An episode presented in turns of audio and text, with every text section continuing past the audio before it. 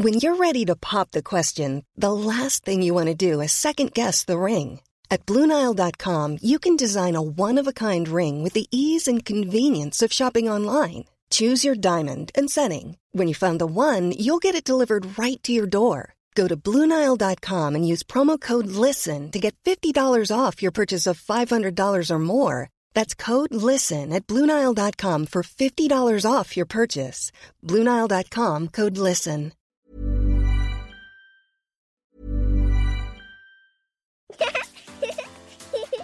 Tired to clean your floors after playtime? Forgot to vacuum before your friends bring their little ones over? Let Eufy X10 Pro Omni help. Powerful 8000 PA suction removes debris, and MopMaster dual mop pads scrub away stubborn stains with ease. Save time and keep your floors cleaner. Want to know more? Go to eufy.com, that's EUFY.com, and discover X10 Pro Omni, the best in class all in one robot vacuum for only $799. Ready to pop the question? The jewelers at BlueNile.com have got sparkle down to a science with beautiful lab grown diamonds worthy of your most brilliant moments. Their lab grown diamonds are independently graded and guaranteed identical to natural diamonds, and they're ready to ship to your door. Go to BlueNile.com and use promo code LISTEN to get $50 off your purchase of $500 or more. That's code LISTEN at BlueNile.com for $50 off. BlueNile.com code LISTEN.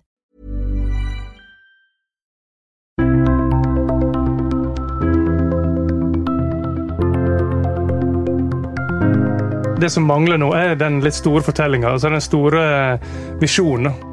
Vi har vært oljelandet, men hva er vi om ti år? Oljebransjen er på vei inn i en ny nedtur. Nå håper næringen at en satsing på hydrogen kan gi norsk gass en fornybar fremtid. Men hva skal til for at hydrogen kan bli vårt nye industrieventyr? Du hører på Det vi lever av, en podkast fra Bergens Tidende, Stavanger Aftenblad og E24. Jeg heter Marie Misum Bringsli. I dag har jeg med meg Lars Henrik Pårup Mikkelsen og Hans Mjelva i studio. Velkommen til dere. Tusen takk. Takk, takk. Hvorfor er det så store forhåpninger til hydrogen? Nei, altså, Hvis du ser litt stort på det, så er det klart at vi står foran en vanvittig stor transformasjon, hvor du skal eh, fase ut alle klimagassutslipp i løpet av noen tiår. Og I den prosessen så er det på en måte tre steg. Det ene er at du skal jeg håper jeg, erstatte all fossil energi med fornybar. Så skal du elektrifisere alt som kan elektrifiseres. Og så skal du konvertere fornybar energi til andre energibærere der elektrifisering ikke er mulig. Og det er der hydrogen kommer inn som en viktig del av den eh, jeg, operasjonen vi, vi, som samfunn står eh, overfor. Og nå er det jo veldig mange, eh, både land og EU og i Norge, som, som ser til hydrogen og som flagger en del spennende initiativ og, og prosjekt. Altså, Hydrogen er jo, har jo høyere tetthet, energitetthet enn batteri. Så du kan ikke utstyre altså, større ting som, som trailere og fly og, og for ikke snakke om industriprosesser, så vil ikke elektrisitet i form av batteri være et alternativ. Um, det finnes ikke store nok batterier, kan man si det sånn? Nei, det, det er ikke det. Hvilke sektorer er det det mest aktuelt å ta i bruk hydrogen? Altså, I dag så produseres det ca. 70 millioner tonn hydrogen per år. Og De to viktigste sektorene det er raffinerisektoren, hvor hydrogen brukes til å skille ut svovel, bli kvitt svovel fra drivstoff. Og det andre det er ammoniakkproduksjon, altså gjødsel. Og Der brukes det mye hydrogen i dag, og 99% av det kommer fra fossil energi. Så det er ikke noe klimaløsning i det hele tatt. Så det ene biten handler jo om å måte, gjøre den hydrogenproduksjonen som allerede finnes, grønn. Og så er det, som Hans sier, at det er en del andre sektorer som er vanskelig å løse med andre virkemidler, som elektrifisering, batteriteknologi uh, osv. Skipsfart, altså langdistanseskipsfart, kan være én sektor.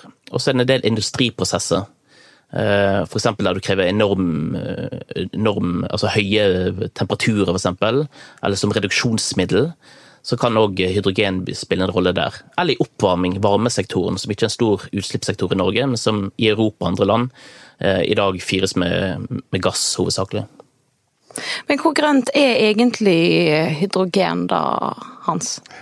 Altså det er jo Det fins ulike former for hydrogen.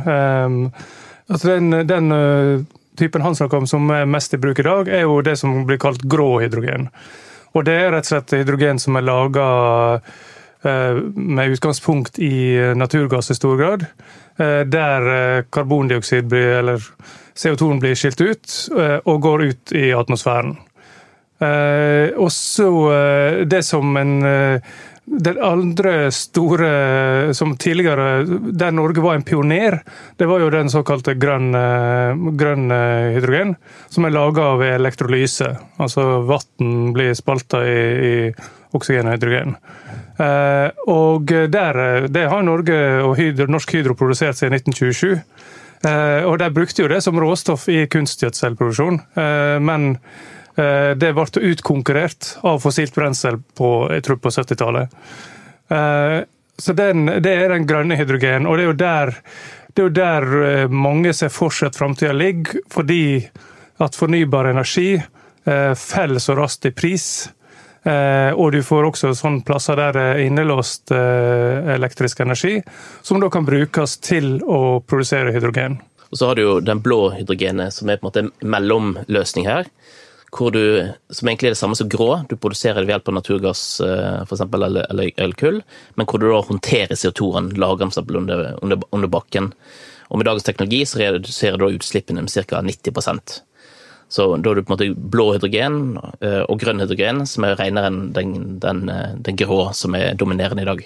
Mm. Men hva er det Norge kan eh, ta en posisjon på, da? Blå, grå eller grønn? Norge har jo mye, mye fornybar energi. Eh, men vi har ikke så stort overskudd. Eh, og, og når, hvis, norsk, hvis Equinor skal elektrifisere sokkelen, så vil det iallfall ikke bli så stort overskudd de nærmeste ti åra.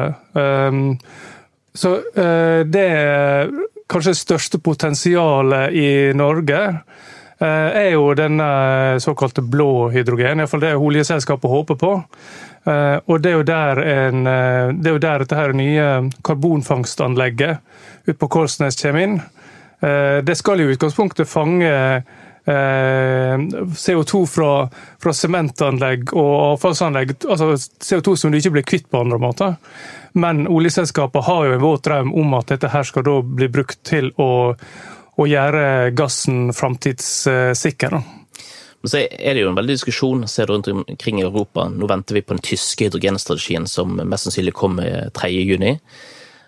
og en av diskusjonene der er jo hvor i stor grad skal du favorisere grønn hydrogen versus blå hydrogen. Alle er enige om at grå hydrogen er noe svineri, det må du bli kvitt. Uh, og så snakker man litt om blå hydrogen. Ja, det vil du trenge igjen i alle fall en god stund. Men en del snakker òg om at det er en sånn overgangs, Eh, noe du trenger en overgang til på en måte du har grønn hydrogen. Så må du huske på at grønn hydrogen i dag, fordi markedet er så lite, så er kostnadene veldig høye. Så det er jo langt billigere i dag å produsere hydrogen ved hjelp av fossil energi enn ved hjelp av elektrolyse. Så du er helt avhengig av å bygge opp den grønne hydrogen for at du skal få prisene ned. Sånn som det var for sol og vind i, i sin tid, når det var, det var dyrt. Uh, og da er det vel mye som tyder på at etter hvert så vil det være den billigste formen for hydrogenproduksjon. Altså bruke ren kraft og, og, og spalte vann og produsere hydrogen på den måten. Og da er spørsmålet, da Vil det finnes et marked for eh, blå hydrogen, f.eks. Uh, produsert fra norsk, norsk gass? Hvis man det, egentlig skal på grønn på, på ja, lang sikt. Og da er det en del som sier at ja, for volumene er så store og det krever veldig mye elektrisitet å produsere hydrogen. Og tar du f.eks. de 70 millioner tonn som i dag blir produsert, skulle du produsert det ved hjelp av fornybar energi, så måtte du trengt 3600 TWh. Norge produserer 145 ca.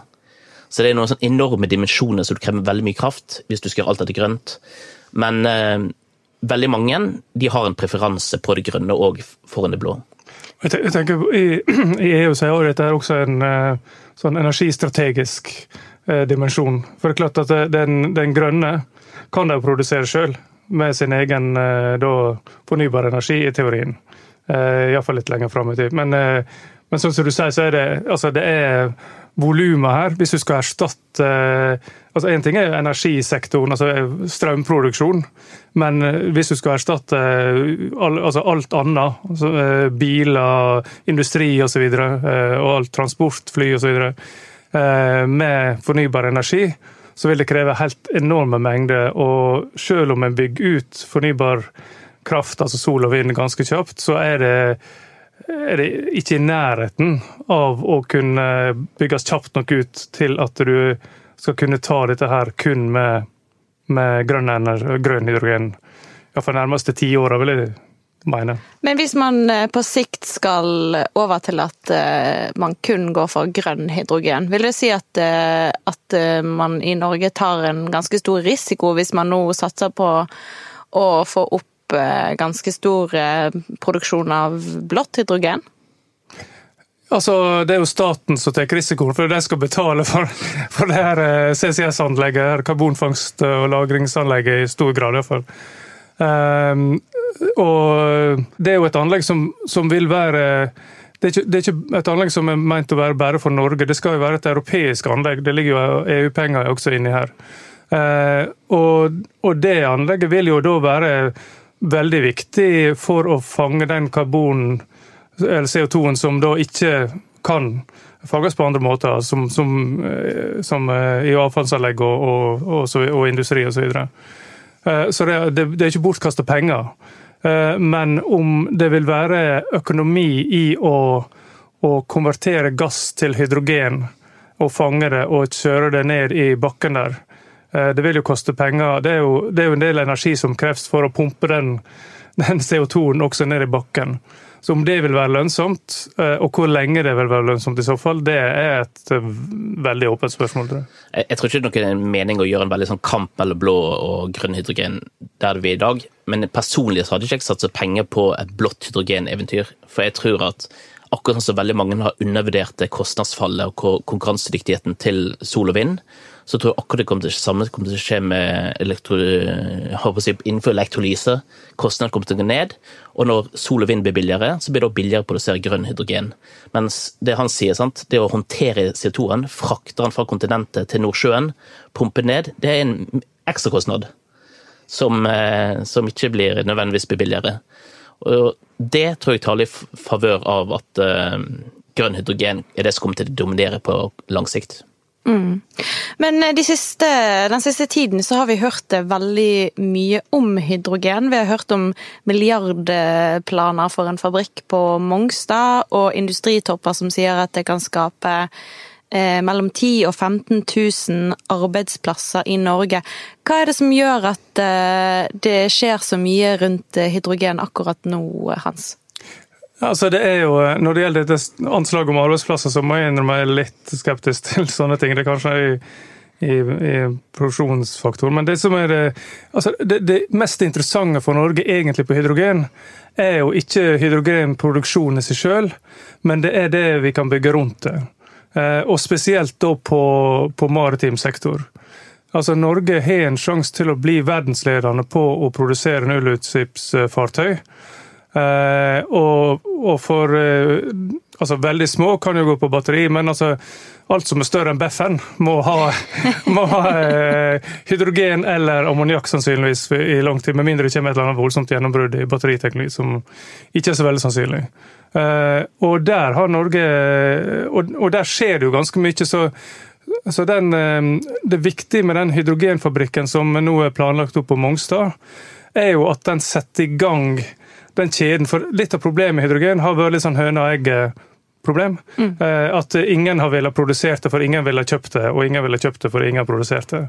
Eh, så det, det de gjør på, på Mongstad, det viktige der, er jo at der gjør de begge deler samtidig. Altså, det, du har både Wilhelmsen som er inne med båt, som skaper etterspørsel etter hydrogenet, og en distribusjonslinje for hydrogen langs kysten ned til Stavanger. Og så har du da BKK og Equinor som produserer hydrogenet i, i den fabrikken. Så, så du får, får, i gang eh, kjeden. Noe. Det, det, som er krevende i Norge når vi skal bygge opp ny industri, det er at det er ikke bare til å gi støtte til bygging av fabrikk, for du skal bygge opp en hel verdikjede. Det er verdikjede som ikke finnes i dag. Så bare det konsortiet som står bak det Mongstad-prosjektet, så er det både shipping, og det er raffineri, og det er mange ulike sluttbrukere som er med i det. Og alle de vil være avhengig av offentlig støtte for å kunne gå videre, i tillegg til å kreve offentlig støtte for bygging av fabrikken. Og det er veldig krevende. Og det som er min bekymring, enten det gjelder hydrogen eller havvind, eller hva det er, det er liksom er vi i stand som liksom nasjon til å gjøre de store løftene? Nå er det veldig sånn politisk kultur hvor liksom alle skal få litt, og alle skal være litt fornøyd, men er vi i stand egentlig til gjøre de liksom virkelig store industrielle løftene? Det er jeg ikke overbevist om. Eh, for det er veldig mange brikker, er veldig mye hva skal jeg si, rigg som skal til for at disse prosjektene skal bli realisert. Og for det, det som er utfordringen, er at dette prosjektet er viktig, men du trenger jo veldig mange sånne prosjekt hvis dette skal bli eh, sving på, og dette skal bli en virkelig industri. Og ser vi rundt oss nå, Danmark, så har eh, Mersk, eh, Ørsted de lanserte akkurat det de kalte for København-prosjektet. hvor Et gigantisk prosjekt. så det er som mange ganger i størrelse og uh, omfang enn det Mongstad-prosjektet vi snakker om. I Nederland har de stort prosjekt, Portugal og Tyskland så snakker de òg om å bygge et vanvittig stort hydrogennett. Erstatte gassrørnettverket med hydrogennett. Så her er det noen volum som vi òg må kunne konkurrere på. Så vi må på en måte få opp skalaen på, uh, og farten i måte den hydrogensatsingen. Men sier du da at vi er for seine allerede, eller? Altså, jeg tror i hvert fall den hydrogensatsingen den må både ha virkemidler som kan støtte opp om disse konkrete prosjektene, men så må òg ha noen sånne litt sånn langsiktige mål. Vi må vite hvor er det vi skal. Hva er liksom ambisjoner, hva er det vi sikter mot? At det ikke bare blir noe sånn enkeltprosjekt her, enkeltprosjekt der, men vi må, vi må sette oss noen litt sånn djerve mål. Og det, det, ser du jeg håper å si, landet rundt Nordsjøen. Det gjør det innenfor havvind, det gjør det innenfor hydrogen, og det bør Norge òg gjøre. Altså det, det, um, det jeg tenker at Altså Det mest interessante sånn som jeg ser det, er ikke nødvendigvis selve produksjonen. Der er jo, altså Til forskjell for olje så er jo ikke hydrogen noe knapt gode. Det er, det er noe som alle kan lage eh, ved hjelp av fornybar kraft. Eh, så Norge har ingen komparative fortrinn, noen fordeler der. Eh, men det vi har, er jo Altså, vi har jo noen fordeler, eh, i, kraft, i betydning at vi har veldig gode vindressurser, f.eks. Eh, både på land, som er jo veldig kontroversielt, eh, men også i havet. Eh, så når det gjelder produksjonsdelen, så er det kanskje på havvind det største potensialet ligger. For der, det er jo Havvind i Nordsjøen har enorme vindressurser, og så ligger det jo samtidig ganske langt fra markedet. Altså Norge trenger ikke all den strømmen. Så da er jo et eh, alternativ som en del ser på, er jo rett og slett å lage hydrogenfabrikker på plattform i Nordsjøen knytt til til eh, vindkraft, eh, flytende vindkraftinstallasjoner. Og Det var jo akkurat det som Danmark nå de kom med sin første del av nye klimahandlingsplanen sin. Og Der var jo nettopp inne dette med de skal bygge opp energiøyer, en i Nordsjøen hvor de sier at eh, ok, vi skal bygge 4 nei, gigawatt med havvind, men kapasiteten skal være 10 gigawatt. Og en del av det skal vi sende til Danmark, men vi trenger ikke all strømmen sjøl. Så vi skal også produsere drivstoff, hydrogen og andre ting for skipsfarten, og sende en del òg til Europa.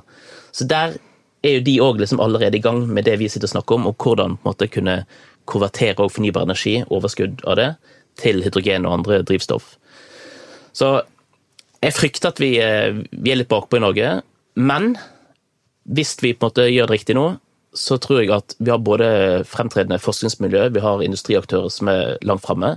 Så jeg tror òg at Norge vil være en attraktiv partner i det arbeidet som veldig mange europeiske land står overfor, hvis vi på en måte viser interesse og viser at vi har samme ambisjonsnivå. Men, men, det jo, men, det vil jo kreve offentlig medvirkning. Altså det vil kreve ganske mye statsstøtte hvis du skal få i gang eh, flytende, hydrogen, eh, flytende havvind i stort omfang. Eh, og der er det jo der, der vil jo kanskje komme avklaringer nå i juni, når en i Stortinget skal diskutere både den uh, støttepakken til uh, altså egentlig ikke til oljenæringa, men til leverandørindustrien, uh, og den grønne tiltakspakken som, fra regjeringa. Arbeiderpartiet har jo gått ganske langt i å si at de ønsker f.eks. at elektrifisering av sokkelen skal skje gjennom havvind. Da må du bygge ganske mange flytende havvindmøller, og det må da Den ekstrakostnaden må staten ta. Mm. Så, så, det er jo eh, så det er klart, og, Mens Høyre har jo vært, litt, har jo vært tilbakeholden med å subsidiere eh, strømproduksjon eh, i form av havvind. Ja, og det, det, er jeg egentlig enig med hvis det kun er for strømmen du produserer det. Men hvis du produserer havvind for å f.eks. eksempel håper, skape nye verdikjeder som vi, vi vil være avhengig av i framtiden, så, så, gir det mening. Så jeg tenker at på hydrogen, ammoniakk, andre ting, havvind, så bør staten støtte det, men fordi at vi skal bygge opp nye verdikjeder som vi ikke har i dag. Men jeg er jo enig i at, at det, det, som mangler nå, er den litt store fortellinga. Altså den store visjonen mm. om hva vi skal bli. Altså vi, er, vi har vært oljelandet, men hva er vi om ti år? Det, den, det er mange små fortellinger, men det er ingen samlende storfortelling. Nei, og der, og der tror jeg òg at de som er på en måte veldig sånn pro og veldig sånn offensive tillegg av hydrogen, må gå litt i seg sjøl. For jeg tror òg man har hypa hydrogen veldig lenge. Det var liksom ikke eh, begrensning på hva liksom hydrogen kom til å løse. Men jeg tror f.eks. at innenfor personbiltrafikk så tror jeg ikke hydrogen kommer til å være en løsning i det hele tatt. Nei, Det er jo ikke lenge siden vi skrev om det i BT at uh, hydrogenbileiere ikke har noe sted å å fylle drivstoff etter at denne her hydrogenfyllestasjonen hadde en liten eksplosjon i fjor sommer, og mange av de har holdt stengt siden. Så det, det, har jo ikke gått helt knirkefritt for eh, teknologien, kan man si. Nei, men det tror jeg egentlig først og fremst handler om at det ikke er marked i Norge i alle fall for uh, hydrogenpersonbiler. Altså, hvorfor, hvorfor, i all verden skal vi satse veldig mye på det, når batteriteknologien har blitt så god som den har blitt? Så jeg tror også at de som er for hydrogen, må være litt sånn edruelige i hva, hva løsning og hva hvor skal dette være en løsning? Hvilke sektorer skal det være en løsning? Eh, og så må man òg være ærlig på at det er utfordringer. Altså, vi skal bygge verdikjeder. Det er ikke bare å på en måte, kaste penger rundt seg. Vi må på en måte gjøre dette, dette klokt. Men Hans, du var jo så vidt eh, inne på det. Det kommer en grønn tiltakspakke fra regjeringen. Hva kan vi egentlig forvente oss eh, av den? Nei, altså, der er jo, i, i den tiltakspakken så sier de jo at det skal ligge, for å holdes til hydrogen, og det skal ligge en satsing på for forny på hydrogen eh, og på maritim skipsfart spesielt. da. Så det er nok den biten som, som kanskje vil komme der. Og så skal jo regjeringa komme med en en hydrogenstrategi som de vel har varsla at de skal legge fram i begynnelsen av juni. Jeg tipper at de gjør det på, når Tina Bru skal være på hydrogenkonferansen i, i, på Sørlandet 3. juni. Um, og um, vi får se da, hvor stor fortelling eh, de legger der, og hvor strategi det er. Men, men som sagt, til nå så har jo da Arbeiderpartiet Høyre vært tilbakeholden med å subsidiere selve produksjonen her. Eh, eh, men det, det, vil nok komme en del sånn eh, Enova-penger, vil det komme mer av. Og støtte til den type prosjekt som denne fabrikken oppe på Mongstad. Det, det som er interessant, hvis vi ser til EU, da, så kommer de nå med en hydrogenstrategi. og Det som håper jeg, lekker dokumentet viser, er at de nå tenker i retning av det man har gjort på fornybar energi. Altså du har gitt offentlig støtte til produksjon. Og der, eh, Det som kan komme fra EU nå, er at man gir offentlig støtte for og produksjon med mål om å få ned kostnadene. Få opp volumet og få ned kostnadene.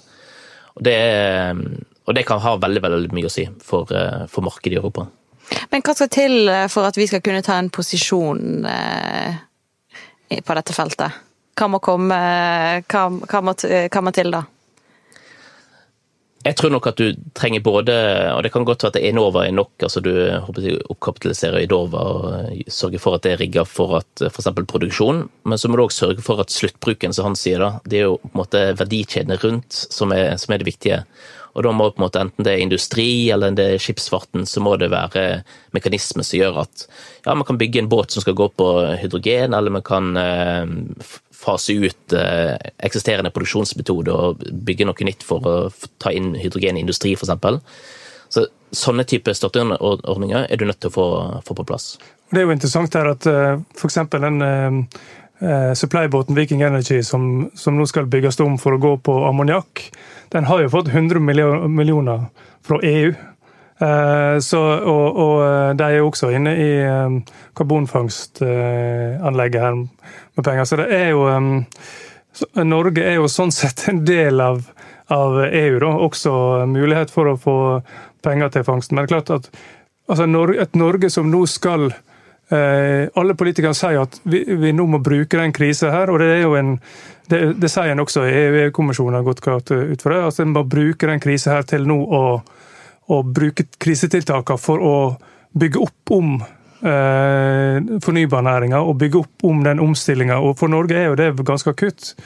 Eh, for du ser, altså, Framtida til oljenæringa den er jo ikke rosenrød. Det vil gå ned, det vet alle. Eh, investeringene. For det er rett og slett Det er jo ikke så mye mer olje å finne i Nordsjøen, sannsynligvis.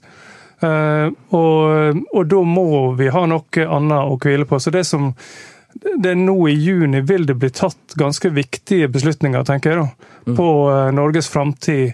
Og, uh, og da, vil, da, vil, det bli et spørsmål om, sånn som du sier, at, at hvor, hvor, stor satsing er det politikerne faktisk er villige til å gjøre her? Og hvor, hvor stort er de villige til å tenke?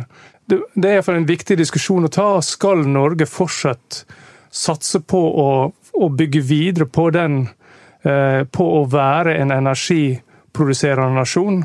Eh, og skal vi bruke samtidig det, det skiftet som skjer, til å bygge en, altså en maritim industri som er helt fremst i verden på, på fornybar. Eh, og det tenker jeg at det har Norge alle muligheter til å klare, og spesielt det siste. Og det er jo alle enige om, men det er bare snakk om at det må, jeg må satse nok, da.